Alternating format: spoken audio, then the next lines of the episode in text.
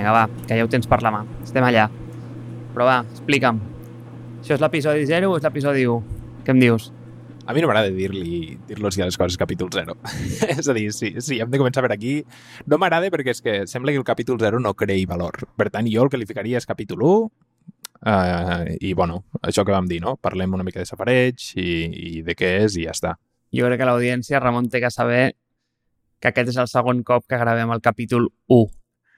I, malgrat fa molta mandra repetir un capítol, crec que et dona com l'oportunitat també de fer-ho bé, saps? I per primera vegada, i que no serveixi com a norma, jo el que faria seria donar-li una mica d'estructura en aquest capítol.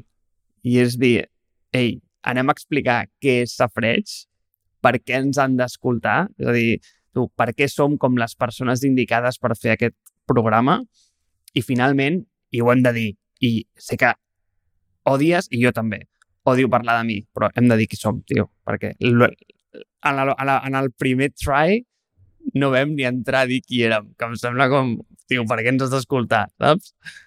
A veure, el, el capítol que vam gravar ja va ser una mica drama, perquè vam estar parlant 18 minuts de l'interessant que seria i de la nostra història i de per què estàvem gravant Safareig, i primer, realment no vam tocar perquè estàvem gravant això i perquè estàvem fent aquest projecte, no ens vam presentar i van ser 18 minuts de parlar sense sentit una mica.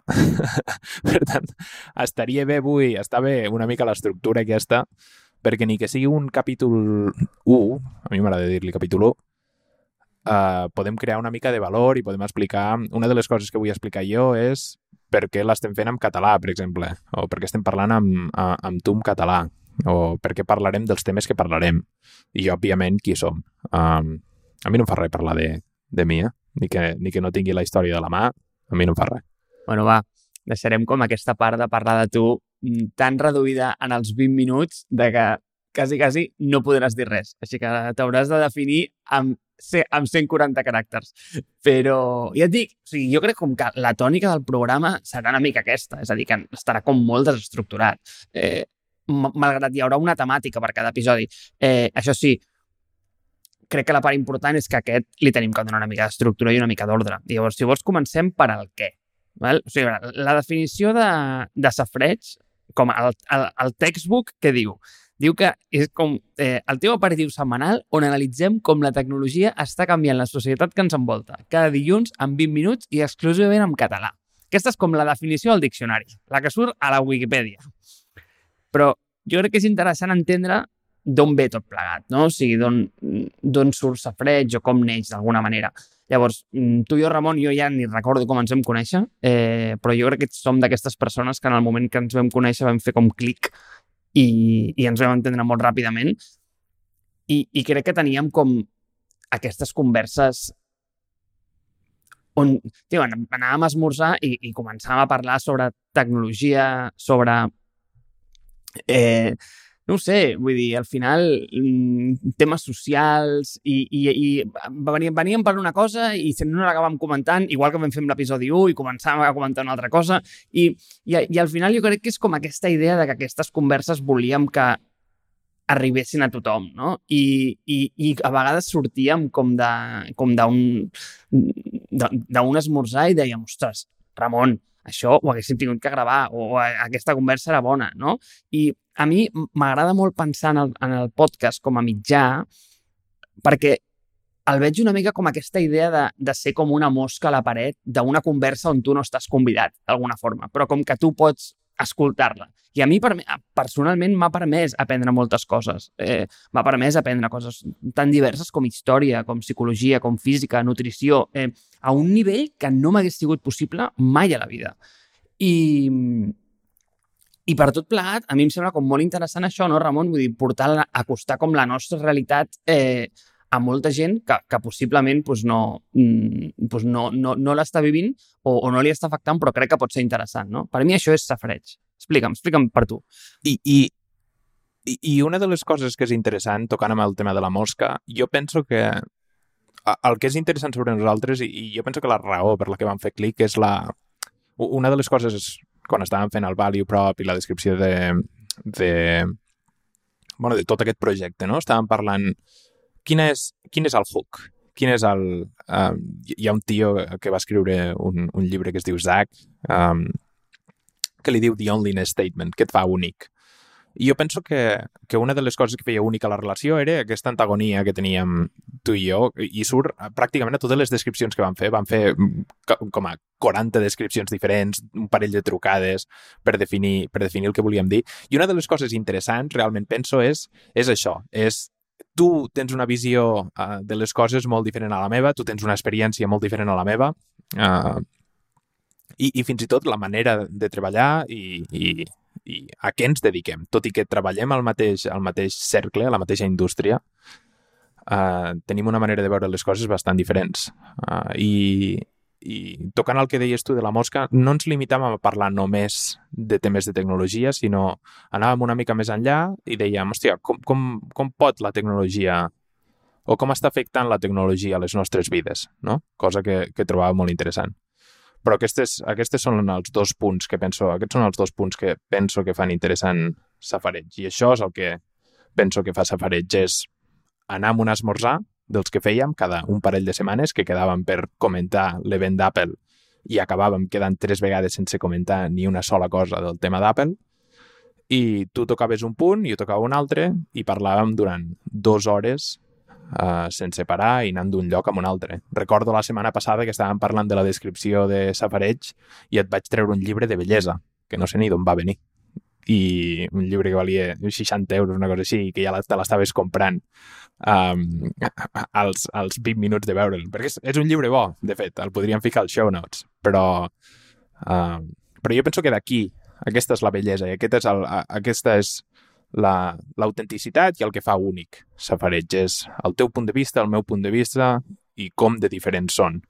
Perquè eh, al moment que ens descriguem podem tocar una mica més a fons, però jo penso que tu tens una, una visió molt més pragmàtica de la vida i jo tinc una visió més eh, probablement idealista de la vida, eh, probablement de les persones, dels productes, de la tecnologia, soc un gran, uh, tinc una gran creença amb la tecnologia i sé que tu també, però penso que des d'un punt de vista diferent. Eh, des d'òptiques molt diferents i de fet en l'episodi anterior, és a dir, no el zero, sinó el que vam gravar que estem repetint ara i segueix sent l'1, eh, en, en, ens vam definir i ara exactament no recordo com, eh, però la teva era molt bona. Jo juraria que la meva era com optimista racional i la teva ara mateix era no sé què insatisfet. Eh, i, però ara no, no recordo exactament perquè jo crec que, com, com et diria, jo veig molts problemes que es, mm, es podrien resoldre com d'una manera eh, molt senzilla, molt simple, veig moltes senzilles en les coses i, i i no veig com la tecnologia com un mitjà d'aquests com overkill. overkill. En canvi, tu t'acostes als problemes com dient ei, això la tecnologia ho hauria de resoldre. O sigui, eh, jo no m'hauria de preocupar per viure malament o per això, no. O sigui, això la tecnologia eh, ho hauria de resoldre. I crec que tenim com una com una aproximació molt particular al producte, perquè crec que els dos venim de producte... Això sí que ho vam comentar en l'anterior. Els dos tenim un background de producte molt fort, però tu divergeixes més cap a la part de disseny o més cap a la part tècnica, potser. Eh, també per, per, per defecte professional, eh? Però, però crec que és aquesta una mica, és una mica la idea. I sobretot del que has dit, a mi em sembla interessant el per què la gent ens hauria d'escoltar. Perquè crec que et falta comentar, que ho has dit abans, per què aquest podcast és en català. Però abans que això, jo et comentaria per què l'hem de fer. I és a dir, jo crec que nosaltres vivim en una realitat actualment, perquè treballem en el món tecnològic, molt particular. Però el fet de que hi siguem o estiguem submergits en ella fa que no ens donem, no ens donem compte. Jo, la meva realitat, d'alguna manera em dono compte de que és molt diferent a la d'altra gent perquè quan comparteixo coses que per mi són extremadament evidents, em diuen, uau, em diuen, això està passant de veritat? Això és real? I, i jo dic, no, no, no, no, que, no és que sigui real, és que, és que no t'hauria ni de sorprendre. Eh, i, i, I és que per mi són mm, més, la cosa més normal, és com l'aire que respiro. I, i, i a altra gent li sembla com que això pertany a un altre món. Eh, però realment crec que aquesta realitat i com la tecnologia està permeant totes les capes de la societat, és una cosa que, que realment hauríem d'acostar a la gent. I crec que no, no hi ha ningú que estigui fent aquesta feina a dia d'avui en, en, en el format que, que nosaltres estem plantejant, no? que al final és un format molt lleuger, molt digerible, accessible eh, i sobretot a la part de, del, del català, no? I et, i et dona el relleu, no? O sigui, o sigui, explica'm exactament per què aquest format ha de ser en català. Bueno, i, i abans que això, jo et volia comentar una anècdota que encara recordo, que va ser un dia que em vas dir hòstia, és que jo estic guardant els pots de vidre del, del caldo que compra la Meller per plenar-los de llet, perquè si no he de comprar tetrabrics de llet. Um, I jo et vaig dir... I, i, està molt bé, però jo et vaig comentar el tema de... Jo crec que la tecnologia hauria i solucionarà el tema del reciclatge perquè, perquè jo pugui viure de la meva manera i pugui comprar un bric de llet i no hagi de tenir aquesta mala consciència de dir, hòstia, és que um, em sento malament per comprar un bric de llet uh, i he d'anar i he d'anar a una botiga especialitzada de Gràcia perquè em fiquin llet de vaca que es va munyir fa dos dies. No m'interessa a mi tot això. Jo vull viure la meva vida com, com la vulgui viure i penso que la tecnologia és capaç, pel que deies tu ara, pel que, pel que farà Safareig. Perquè la tecnologia, ni que no ens n'adonem i ni que la gent no se n'adoni, ja està dins de les nostres vides d'una manera espectacular. Escolta, fa quatre anys la tecnologia va fer que eh, ara hi hagi un president racista i tot el que vulguis als Estats Units. La tecnologia és capaç de pràcticament tot i penso que evolucionarem cap aquí una mica més. Però, tornant al tema del català, i aquest és un tema que a mi m'interessa molt. Uh, de fet, estava... Uh, o vaig fer el branding d'una organització en, en català eh, que promogués les accions catalanes, sobretot a la xarxa i a, i a les tecnologies. Però, bàsicament, és una mica trist el que està passant últimament amb el, amb el català i amb totes les llengües minoritàries, perquè realment sempre de petit et deien, escolta'm, eh, tu saps català i castellà, però quin, o sigui, i anglès has de saber també. Perquè si tu mires el, el landscape tecnològic, i mira, landscape i totes aquestes paraules, eh, els anglicismes que surten, no? Però si tu mires al voltant, tu veus que les dues, tres llengües ma majoritàries, el mandarí, el, el, el, el castellà, l'anglès, estan predominant d'una manera extrema a les, a les xarxes. I, I quan estàvem definint el podcast vam pensar, hòstia, en quin idioma l'hauríem de fer? El podríem fer en castellà, el podríem fer en anglès, el podríem fer en català, però realment, quan uh, una, una de les coses amb les que jo bueno, primer que jo m'expreso molt millor en català, òbviament, és el, nostre, és el nostre idioma.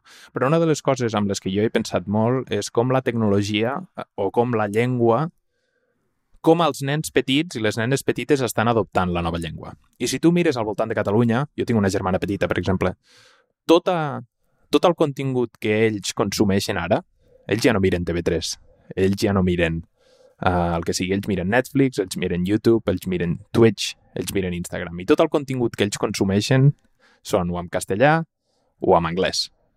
Per tant, i, i molts aquí a Barcelona, sobretot, parlen amb les seves famílies en castellà.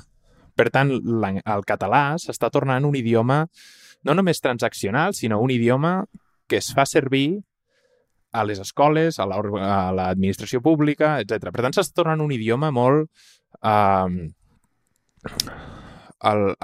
l'ús del català és molt, molt exclusiu per coses, és a dir, no per la vida social ni, ni pel teu entreteniment. I jo penso que això és un error, sobretot per la gent que ha estat educada, ha crescut en català i s'expressa molt millor en català.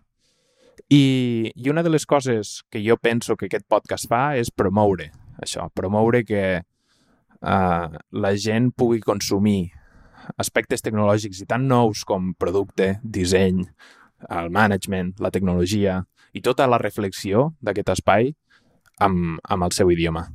Um, una de les coses que m'agradaria sentir de tu és, hòstia, però això, perquè jo penso que aquesta és la teva visió, aquesta, la teva visió és, hòstia, però parlant en català n'hi ha 10-12 milions.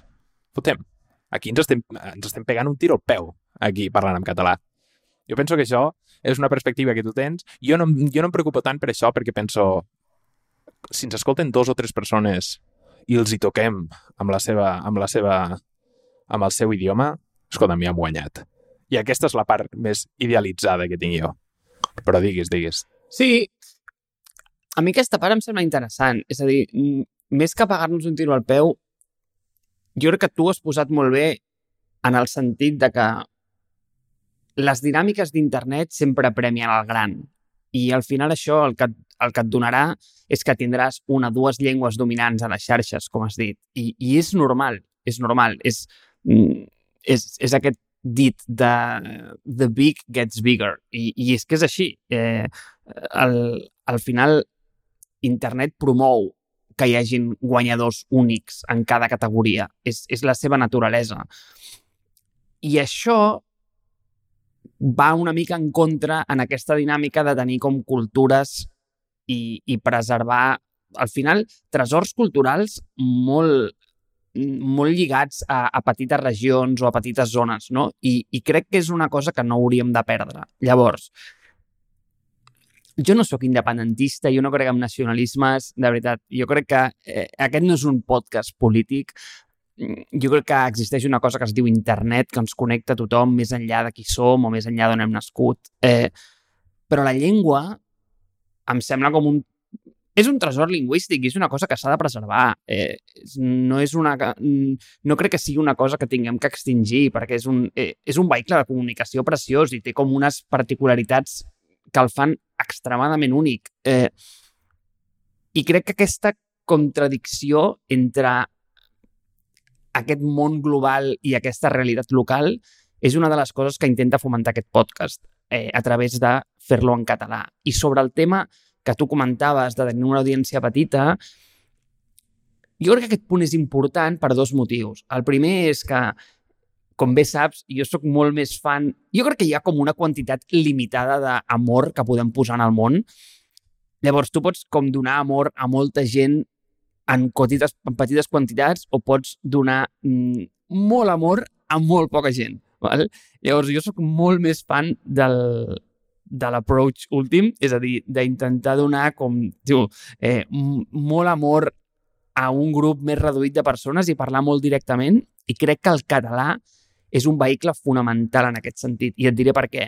Perquè jo, per exemple, i, I no sé si a tot passa alguna semblant. Jo crec que això li passa a molta gent. És que quan s'expressa en català genera un nivell d'empatia amb l'altra persona que no genera quan parla en qualsevol altre idioma. Bueno, és que, tornant al que tu deies, que nosaltres féssim un podcast en castellà o en anglès seria mentir-nos a nosaltres. Seria mentir-nos perquè és que la nostra... Escolta'm, tu has estat criat a Barcelona i jo en un poble petit que es diu Tàrrega, de la província de Lleida.